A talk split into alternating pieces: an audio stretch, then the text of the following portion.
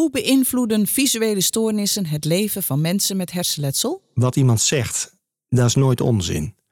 En als iemand zegt, ik zie dit of dat, of ik zie niet goed dit of dat, ga er maar vanuit dat dat zo is. En dat we het misschien niet begrijpen, want ik begrijp het nu ook misschien nog steeds niet, maar het is wel zo. Dit is Hersenletsel, een podcast van het kennisnetwerk CVA Nederland over het erkennen en herkennen van hersenletsel. Deze podcast richt zich op verpleegkundigen en paramedici. De presentatie is in handen van journalist Reinier van de Vrie. In deze aflevering spreekt hij met Joost Heutink, die als hoogleraar gespecialiseerd is in visuele stoornissen naar niet aangeboren hersenletsel. Mensen met niet aangeboren hersenletsel hebben vaak veel moeite met zien en klagen regelmatig over te veel of te weinig licht. Meestal hebben ze geen oogafwijkingen, maar verwerken hun hersenen visuele informatie niet meer zo goed als voorheen.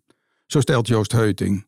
Sinds 2000 werkt hij bij de Rijksuniversiteit Groningen, waar hij in 2020 hoogleraar visuele stoornissen bij niet aangeboren hersenletsel werd. Daarnaast werkt hij vanaf 2004 bij Koninklijke Visio, expertisecentrum voor slechtziende en blinde mensen. In deze podcast spreek ik met hem over de problemen met het zien die patiënten ervaren. Dit mede naar aanleiding van de webinar die hij in mei 2021 over dit onderwerp gaf. Welkom Joost. Dankjewel. Joost, eh, in die eh, webinar zeg je dat uh, wat we met de ogen waarnemen een reductie is van de werkelijkheid. Kun je dat eens in het kort uitleggen? De werkelijkheid is heel rijk. En je kunt altijd maar met je zintuigen een beperkt deel of een bepaald aspect van dat alles waarnemen. En dan geldt bovendien dat datgene wat je waarneemt, heel klein is, maar door je hersenen als het ware gereconstrueerd moet worden. Wat die werkelijkheid is. Dus perceptie, heb ik daar verteld, is een reconstructie van de werkelijkheid op basis van dus vrij gebrekkige informatie. Mhm. En die reconstructie stelt je in staat om met die werkelijkheid eh, te interacteren, dat te begrijpen. En die reconstructie, als het goed is tenminste, stelt je ook in staat te voorspellen wat er gaat gebeuren. En je hersenen moeten daar heel veel in doen, omdat je zintuigen maar beperkte hoeveelheid meekrijgen, om ik maar zo zeggen, van die werkelijkheid van je omgeving. En als het donker is, dan moeten je hersenen nog harder werken, want dan krijg je eigenlijk nog minder mee. Maar als je slechter gaat zien, dan moeten je hersenen ook nog beter hun best doen. Maar als je hersenen moeten inleveren, door hersenletsel of door veroudering of wat dan ook, vermoeidheid kan ook, dan wordt het eigenlijk steeds ingewikkelder om die werkelijkheid goed te reconstrueren, goed te voorspellen wat er gaat gebeuren. En daar ging mijn webinar onder andere over. Ja, kun je een voorbeeld geven van ja, wat we zien en wat je dan echt moet reconstrueren? Een heel mooi voorbeeld, wat, wat voor mij wel een eye-opener was toen ik bij Visio kwam werken, is dat nou, als je zo om je heen kijkt, hè, wij zitten hier in een studio, we kijken en, en, om ons heen, dan heb je eigenlijk het gevoel dat je alles in kleur ziet. En dat je als je, je beweegt je ogen rond, maar dat je je ogen stilhoudt, dat je eigenlijk alles zo rondom dat centrale punt waar je kijkt, ook in kleur ziet, maar ook scherp ziet. In de werkelijkheid is dat helemaal niet zo. Als je je arm zou uitstrekken en je zou ongeveer dan je duim opsteken naar, het, naar, naar de nagel van je duim kijken, dat is het stukje wat je echt scherp ziet en echt in kleur ziet. Ja.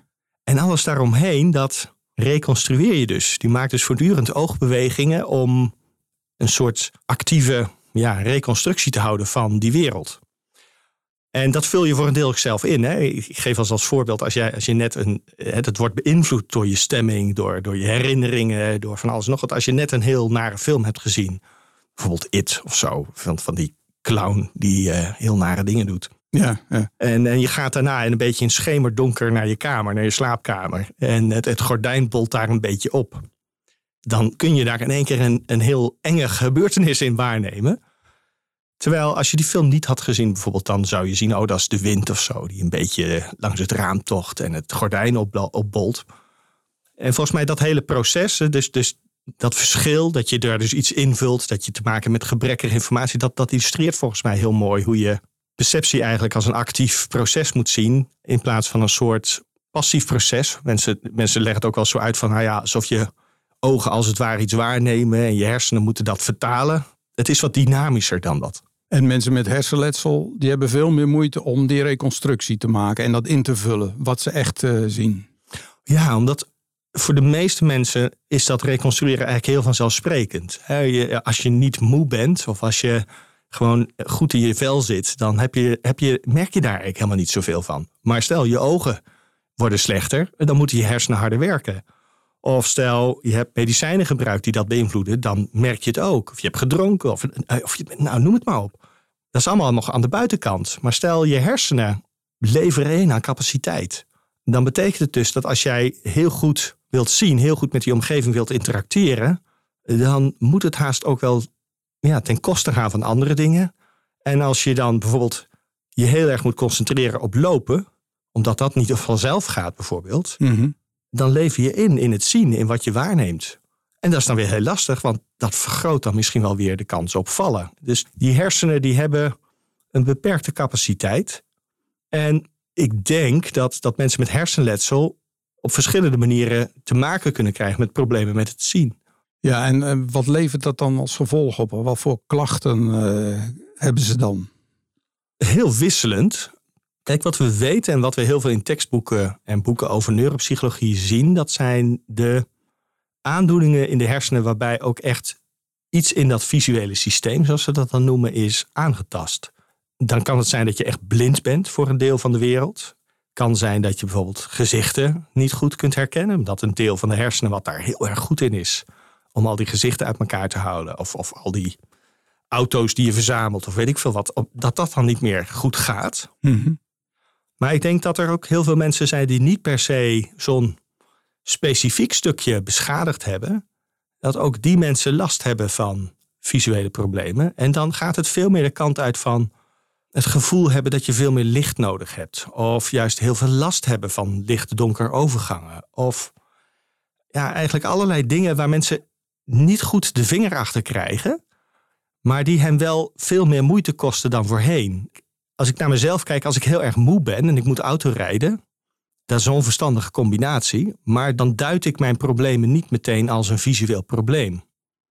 Toch zie ik minder dingen. En ik zie de dingen minder goed. Mhm. Dat is voor een deel, kun je dat aandacht noemen. Ik denk dat voor een heel groot deel ook gewoon basale visuele informatieverwerking, zoals ze dat noemen, is. En heel veel mensen met hersenletsel hebben wij gemerkt uit vrij recent onderzoek. Heel veel mensen klagen over het is te donker. Eh, Als ik van de ene naar de andere ruimte ga, dan heb ik in één keer veel meer tijd nodig om dingen goed te zien, omdat het licht net iets anders is. En dat is iets waar we eigenlijk pas recent achter komen. En wat we ook nog niet helemaal goed kunnen begrijpen, denk ik. Het brein verwerkt de informatie niet goed genoeg meer. Ja, dat is een manier om het uit te leggen, maar dan, ik vind daar lastig aan. Het is geen kritiek op die uitleg, maar dat je dan weer een soort camera hebt en dat brein moet dat verwerken. Terwijl eh, het misschien best zo is dat dat brein het nog steeds goed verwerkt, maar dat er toch weeffouten optreden, of dat het langer duurt, of dat misschien je hersenen je veel meer laten zien hoe je werkelijk waarneemt en dat dat je wazig ziet, bijvoorbeeld buiten je centrale gezichtsveld, Ja. Dat je dat ervaart en dat dat ook de werkelijkheid is van je ogen, maar dat je nu voor het eerst, omdat je hersenletsel hebt, dat pas merkt. En niet, niet goed zien of niet goed waarnemen, of ja, hoe het dan ook moeten noemen. Maar heeft dat ook consequenties voor actie en beweging die je moet maken? Je zei net al, eh, ja, lopen kan dat lastiger maken. Ik denk het zeker. Kijk, als je alleen maar in je stoel zou zitten en, en je zou om je heen kijken, ja, nou, zelfs dan is het dan een probleem. Stel je gaat lezen.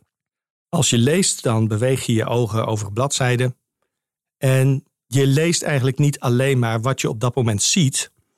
Je maakt ook een voorspelling van de woorden die gaan komen. Stel, je gaat iets lezen en er staat een fout in, of er staat een woord twee keer, het woord en staat soms twee keer in een tekst. Dan lees je bijna nooit en en, of je leest heel vaak niet die fout. En dat laat zien dat je hersenen eigenlijk voortdurend ook een voorspelling maken van wat er gaat gebeuren. Ja. Dat is met lezen zo, maar dat is ook als je in je stoel zit en je kijkt naar een voetbalwedstrijd. En dat is ook zo als je op de fiets zit of wandelt, dan gebeuren er dingen om je heen. En je hersenen reconstrueren niet alleen het moment zelf van wat er gebeurt, maar je hersenen maken ook als het ware een voorspelling van wat er gaat gebeuren. Die bal die op jou afkomt, die heeft een bepaalde snelheid. En nou, even het voorbeeld van de keeper. Als jij niet je hand naar die rechterbovenhoek beweegt, dan gaat hij er daarin. Dus visuele perceptie is niet passief waarnemen. Het is voorspellen wat er gaat gebeuren. En daar alvast op anticiperen. Dus als je aan het wandelen bent en je kunt niet vertrouwen op wat je ziet, wat je waarneemt, dan kun je ook niet vertrouwen op de manier waarop je daarop anticipeert. En dus kun je schrikken. Dus of kun je in één keer verrast zijn van die auto die van links kwam. Terwijl je dacht, ik heb links gekeken en er kwam niks. Ja, ja. Voorspelbaarheid wordt minder ook. Vaak. Ja, ja, ja. ja, Mensen, ehm, ja, hoe, hoe omschrijven ze hun klachten als ze slecht zien of slecht waarnemen? Of uh, als het niet meer goed, dit niet meer goed werkt? Hoe omschrijven ze hun klachten? Dat is een heel goede vraag. En ik vind, denk dat ik een heel moeilijk te beantwoorden vind om, om twee redenen.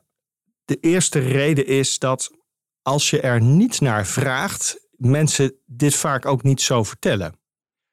Omdat als je meer moeite hebt met zien, dan merk je niet per se dat dingen anders zijn. Ja, tenzij je dingen ziet die er niet zijn, bijvoorbeeld een hallucinatie of, of, of, of dat soort dingen. Dat, dat, daar, daar kan je je nog wat bij voorstellen. Maar het resultaat merken mensen vaak. Mensen merken vaak dat ze moer zijn. Mensen merken dat dingen die voorheen makkelijk gingen, nu in één keer niet meer makkelijk gaan. En waarom dat in zit, dat weten ze vaak niet precies. En op het moment dat je dingen echt gaat uitvragen, dan ga je bijvoorbeeld vragen: Nou, heeft u nou moeite met, uh, met scherp zien? Dan, dan, kun je erachter komen dat mensen zeggen: Ja, verdorie, ja, daar heb ik eigenlijk best veel meer moeite mee. Dat is dus één ding. Mensen hebben zelf een wat andere beleving dan wat er misschien feitelijk meetbaar aan de hand is. En het tweede is dat voor heel veel mensen, heb ik gemerkt, ook heel specifieke problemen, zoals bijvoorbeeld een woord uh, prosopagnosie. Dat wil eigenlijk zeggen dat je na hersenletsel geen gezichten meer kunt herkennen, terwijl je ze voorheen wel kon herkennen. Mhm. Die mensen zeggen wel, ja, ik heb moeite met gezichten. Maar wat ze vervolgens zeggen, ik zie ze wazig. Terwijl als je hun ogen gaat meten en, ze gaat kijken, en je gaat kijken hoe scherp ze zien en wat voor bril ze dan misschien nodig hebben, dan zien ze gewoon 100%. Ze zien gewoon scherp. En toch is het wazig. Dus wat mensen vertellen is ook hun beleving. Je kunt heel veel gevolgen hebben van hersenletsel. En motoriek kun je zien aan de buitenkant. Ja. Geheugen. Ja, de klagen, als mensen echt problemen hebben, dan klagen ze er niet meer over. Dat is natuurlijk een beetje ingewikkeld, maar de omgeving merkt het. En het lastige van zien is dat mensen zelf wel iets ervaren, maar daar zelf ook vaak moeilijk de vinger achter krijgen, want het, dat gaat sluipend. En dat de omgeving het niet kan zien wat er gebeurt. En ondertussen, en dat is eigenlijk het derde punt wat het ook zo ingewikkeld maakt, die hersenen gaan gewoon door met reconstrueren. Dus als jij bijvoorbeeld een hersenletsel aan één kant, hè, bijvoorbeeld stel je hebt helemaal achterin je hersenen, rechts achterin, heb je een beschadiging bijvoorbeeld door een CVA, dan kan het zijn dat je aan de linkerkant van de wereld helemaal niets waarneemt. Dat is iets anders dan neglect, want dan, dan verwaarloos je dat, maar je kunt het op zich waarnemen, maar we noemen dat hemianopsie. Dus het maakt niet uit met welk oog je kijkt. Links zie je gewoon niets. Nee. Daar kan iemand staan springen. Het probleem is, het is niet zo dat die mensen daar een soort zwart vlak zien. Die hersenen gaan gewoon door met invullen. Dus mensen zeggen niet, ik zie niks aan de linkerkant. Nee, nee. Dat komt bijna niet voor. Hoe kom je dan als zorgverlener, hulpverlener achter wat er aan de hand is? Welke visuele problemen er zijn? En nou net natuurlijk ook vervolg wat je daaraan zou kunnen doen. Ik denk dat het, dat het begint met vragen. We zijn bezig met uh, de Universiteit Groningen en ook uh, Visio om vragenlijsten te maken, een, eenvoudige vragenlijsten, waaraan je kunt zien of mensen eigenlijk meer last hebben van visuele problemen dan voorheen. Uh, vaak zijn het dezelfde dingen waar mensen die geen hersenletsel of geen oogaandoening last van hebben. Dus te veel licht of lichtdonker overgangen. Of, nou, het zijn allemaal dingen die we uit het dagelijks leven herkennen. Maar ze hebben er veel meer last van of veel vaker last van. En het eh, vragen naar dat soort dingen, dat zou denk ik al een hele stap zijn. Tweede is dat het niet zo hoeft te zijn om af te wachten of iemand visuele problemen heeft, voordat je dingen gaat doen, interventies of veranderingen in, in, in de woonomgeving bijvoorbeeld, waar mensen sowieso baat bij hebben. Kun je een voorbeeld noemen, bijvoorbeeld in, in de woonomgeving? Ja, eh, voor oudere mensen kan het zo zijn dat ze het plezierig vinden dat er schemerlampen zijn. Maar in werkelijkheid, een lamp die naar het plafond schijnt en via het plafond licht geeft over de hele kamer, is beter. Nou hoeft het niet zo te. Nou, we zijn hier in een gebouw wat vrij uh, groot is. We hebben er allemaal baat bij dat je kunt zien waar kantoren beginnen en waar de gang ophoudt.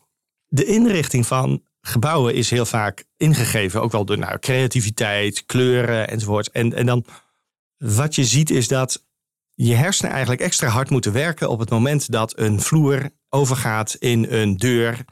En op het moment dat daar iets meer contrast is tussen de deur en bijvoorbeeld de vloer of tussen de raam, en dan hoeven je hersenen minder hard te werken. Daar hebben niet alleen mensen met hersenletsel baat bij, daar hebben wij allemaal baat bij. Een goed voorbeeld vind ik altijd Schiphol. Op het moment dat we allemaal stress hebben en haast, dan gaan we minder goed nadenken. Dan gaan die hersenen met andere dingen bezig, want we, oh, we moeten het vliegtuig halen. En dan kan het zomaar gebeuren dat zonder goede bewegwijzering, of zelfs met, dat je helemaal bij de verkeerde gate staat. Of dat je helemaal de kluts kwijt bent. Of dat je naar dat bord kijkt en zegt: Oh, mijn vliegtuig gaat over 10 minuten. Maar dan is het een heel ander vliegtuig, wat toevallig ook naar dezelfde bestemming gaat. Ik denk dat juist daarin goed contrast, duidelijk inrichten van een omgeving, voorkomen dat mensen in, in rechtstreeks licht kijken. Nou, duidelijkheid in die inrichting, dat daar ook heel veel winst valt te behalen. Even ongeacht of je nou precies weet wat voor probleem iemand ervaart. Ja, toch nog weer even terug naar uh, die vragenlijst. Hè? Die vul je dan met een, uh, uh, iemand in die hersenletsel heeft. Ja. En daar komt wat uit. En, en, dan kan iemand, stel dat er behoorlijk wat problemen uitkomen. Ja, je kunt zeggen de inrichting aanpassen. Maar kan iemand daar dan, zeg maar in therapiezin, daar ook wat mee doen? Nou, ik denk dat op dit moment in het algemene pakket wat, wat mensen die in zorg werken, dat daar nog te weinig informatie zit over wat we kunnen met visuele problemen. Ik denk dat instellingen als Visio, Koninklijke Visio, eh, maar ook Bartimeus, ook een bekende instelling, wel heel erg bezig zijn daaraan te werken. En ook wel een taak voor zichzelf zien om mensen die in de zorg werken daar meer wegwijs in te maken. Ja, voordat het zover is, zou ik zeggen, ja, als je het idee hebt dat mensen te maken hebben met visuele problemen, mensen, hè, mensen met, met hersenletsel bijvoorbeeld, zou ik zeggen, ja, consulteer een van deze instellingen. De mensen die daar werken kunnen je in het algemeen toch verder helpen. Kunnen bijvoorbeeld kijken of ze een onderzoek kunnen doen. Dan moet je niet voorstellen dat iemand dan meteen twee uur eh, of zo eh, allerlei ingewikkelde onderzoeken krijgt. Wat dat de verwijzing misschien per se nodig is. Ik denk dat die instellingen ook heel erg hun best doen om eventjes eh, een kijkje te komen nemen en te zien wat er op de korte termijn al te organiseren is, wat er, wat te verbeteren is. Gaat het echt om het uh, nieuwbouwen van een uh, revalidatieinstelling, ik noem maar eens even wat, of gaat het om opleidingen aan mensen die in de zorg als verpleegkundige of als fysiotherapeut, ergotherapeut werken? Ja, ik, ik denk dat we daar echt nog wel nodig hebben dat we de zorg echt nog wat beter organiseren. En dit aspect van zorg en dit aspect van de hersenen nog weer wat beter op de kaart zetten. Want is dit uh, onderwerp onderbelicht, om het uh, zomaar even te noemen? Ja, ja ik denk het, denk het wel. En ik denk dat het ook niet zo gek is. Toen ik begon bij Visio, begon ik als neuropsycholoog. En wat, wat ik toen wist, wist ik uit de boeken. Dus dat ging over prosopagnosie, hè? geen gezichten herkennen, hemianopsie, de helft van de wereld niet zien. En ik zag heel veel mensen met hersenletsel die als cliënt-patiënt verwezen waren. En dan deed ik onderzoek als neuropsycholoog. En ik, ik was er ook niet slecht in of zo. En ik deed echt wel mijn best. En toch, als ik nu daaraan terugdenk, dan heel veel, en misschien wel al die mensen zeiden tegen mij: Ja, maar ik zie wazig. En dan zei ik tegen die mensen: Ja, maar u ziet niet wazig. U kunt gewoon geen gezichten herkennen. En dat is nog niet zo lang geleden dat ik dat zei. Zes jaar geleden zei ik dat eigenlijk ook nog heel vaak. En pas nu we de, sinds een paar jaar de eerste resultaat van, van onze onderzoeken zien en gevraagd hebben. Ja, maar hoe ervaart u nu de wereld? En dan zien we dat mensen met MS, mensen met de ziekte van Parkinson, mensen met een CVA, die zeggen allemaal als belangrijkste: ik zie wazig en ik heb last van veel licht.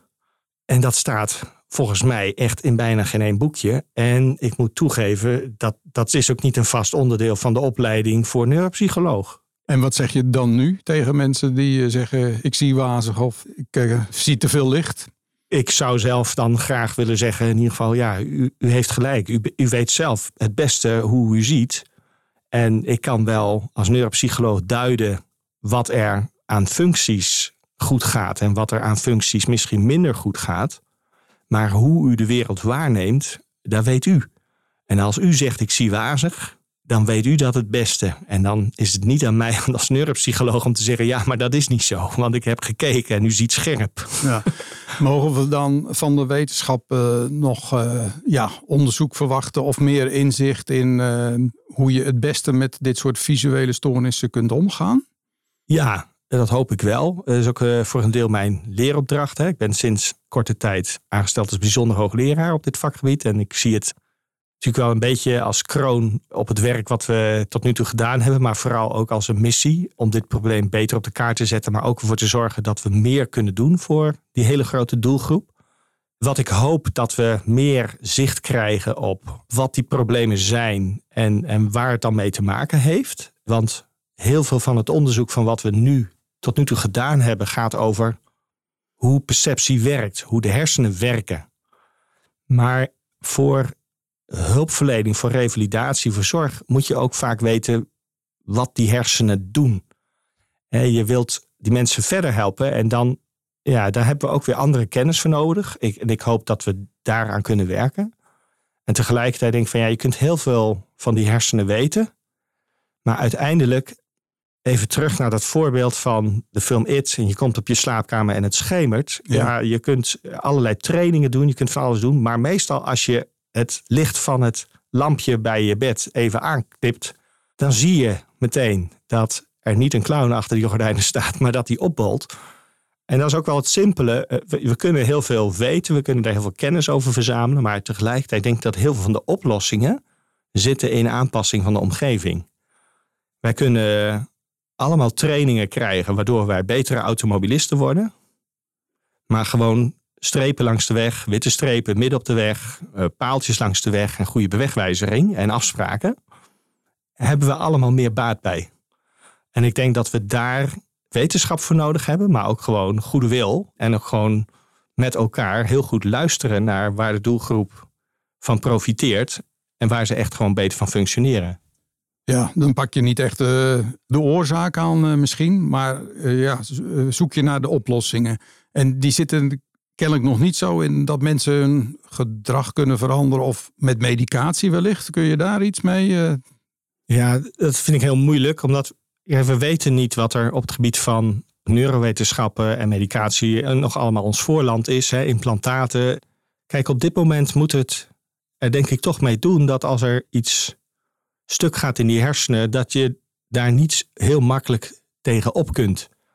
Vaak is het dan zo dat we zeggen, nou, compensatie is dan datgene waar we het meeste aan denken. Dus, dus mensen moeten leren compenseren om datzelfde, diezelfde taak, diezelfde activiteit uit te voeren, maar dan gebruikmakend van andere functies. En ik denk dat dat nog steeds een heel goede aanpak is. Compenseren, kun je daar ook een voorbeeld van geven? Nou, bijvoorbeeld, eh, jij bent heel, uh, sinds je hersenletsel niet goed in het herkennen van gezichten.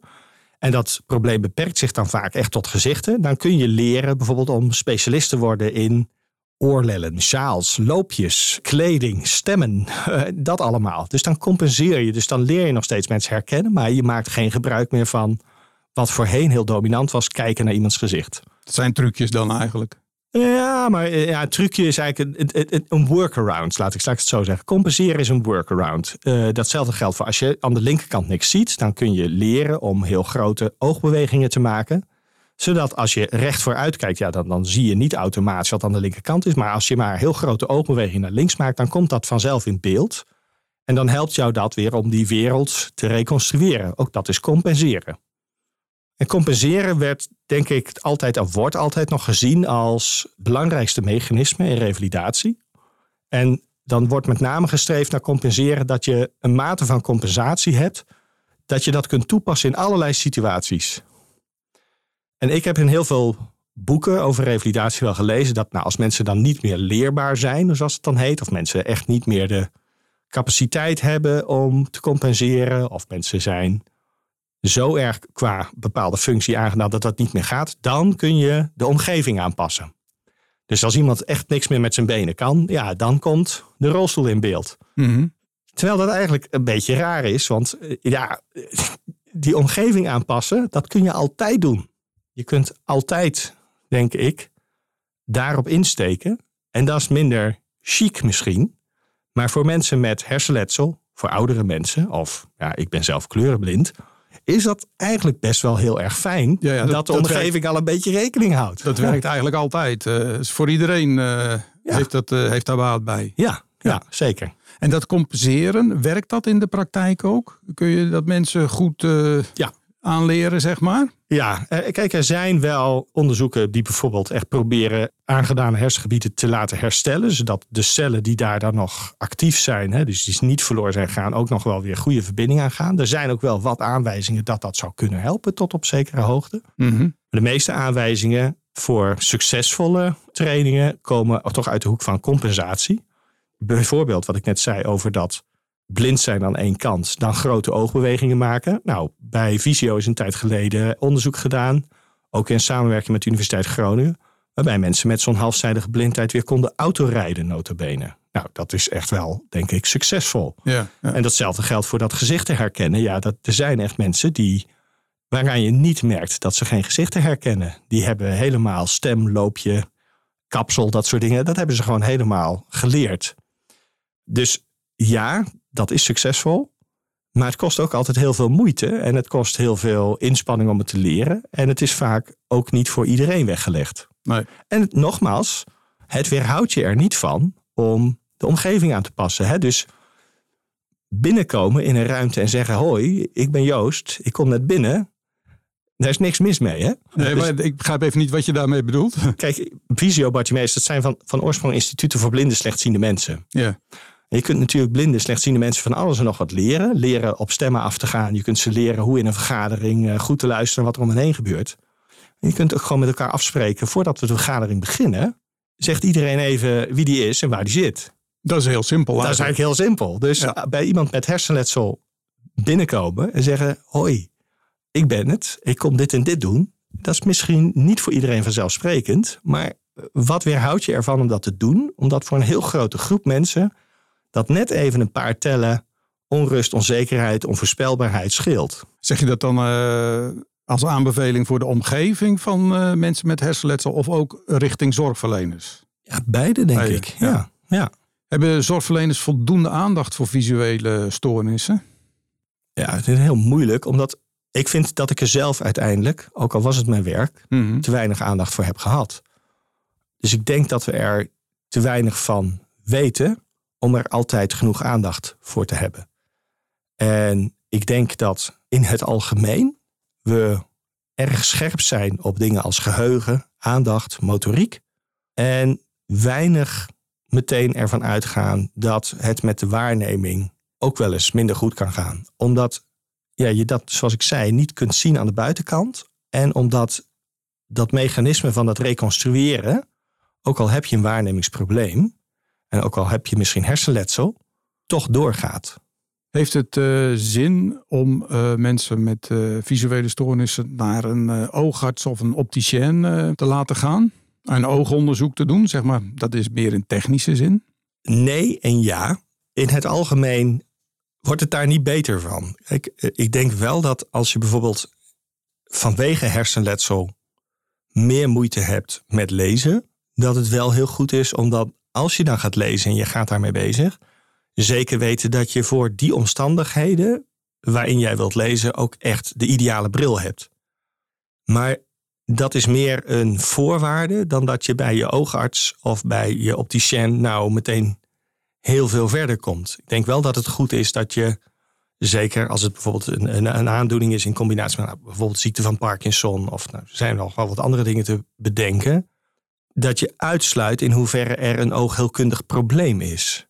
Maar voor de meeste mensen die bijvoorbeeld een nou, probleem hebben met hun waarneming, wazig zien na bijvoorbeeld een, een CVA, een, beroerte, voor de meeste mensen zal niet gelden dat zij bij die oogarts uiteindelijk geholpen zijn. Maar ik denk wel dat het goed is om te kijken, valt er een oogheelkundige aandoening uit te sluiten? Want ja, ook daarvoor geldt, daar zijn mensen zich ook vaak niet van bewust, omdat hun hersenen toch invullen. Ik denk dat mensen meer gebaat zijn uiteindelijk bij specialisten van Bartimeus, van Visio, die proberen mee te kijken, ja, wat is er nou echt aan de hand? En voor zover we dat al kunnen uitzoeken. En vooral ook, ja, wat, wat helpt je nou om minder last te hebben van dit probleem?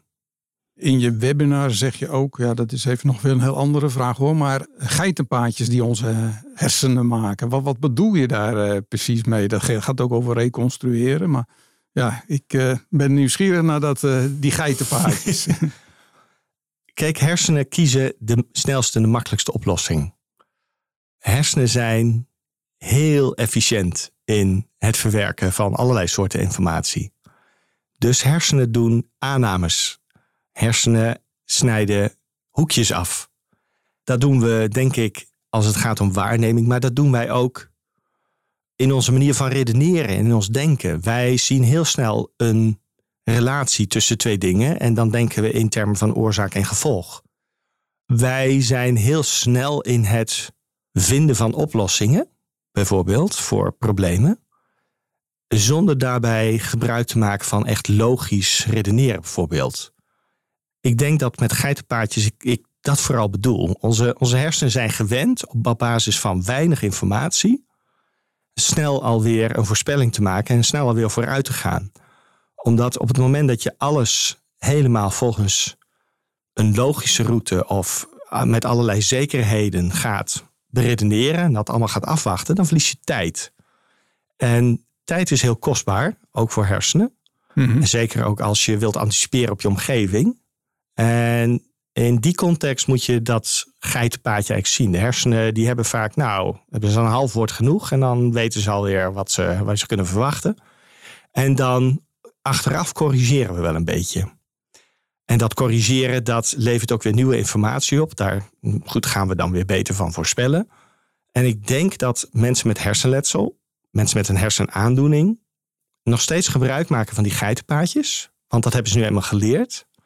Maar dat ze veel vaker achteraf moeten corrigeren. En dat heel veel, heel veel vaker voorkomt dat ze zien dat wat ze dachten waar te nemen er toch niet is. Of dat ze, terwijl ze dachten dat er niets was, er wel wat was. En ik denk dat in die context die, die geitenpaadjes aan bod kwamen. De kans op verdwalen wordt steeds groter dan. Verdwalen in wat je waarneemt, bedoel ik ja, dan. dat dingen meer tijd kosten. Maar voor een deel heeft wat ik nu als voorbeeld geef ook wel met aandacht te maken. Een belangrijk deel. Maar bij een onbewaakte spoorwegovergang, als jij daar voor het eerst komt en het is voor jou een onbekende omgeving, en dat geldt tenminste voor mij wel, dan rem ik af, dan kijk ik links, dan kijk ik rechts. En dan kijk ik nog een keer links om zeker te weten dat er niks uit. En dan nog een keer rechts en dan ga ik oversteken. Maar naarmate je daar vaker komt, gaat dat meer automatisch. En ik denk ook dat het zo is dat naarmate je daar vaker komt, bij jezelf de illusie kan zijn dat er niks aankomt. Want dat heb je nu eenmaal geleerd, dat er nooit iets aankomt. Ja. En dan steek je over en dan denk je, verrek, komt toch iets aan.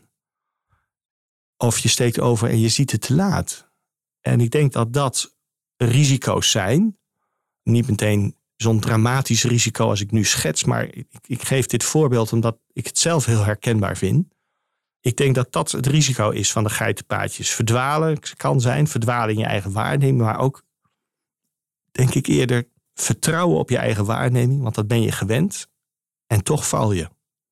Want dat afstapje toch niet gezien. Of vertrouwen op je eigen waarneming. En iets niet kunnen vinden terwijl het er wel is. Of vertrouwen op je eigen waarneming.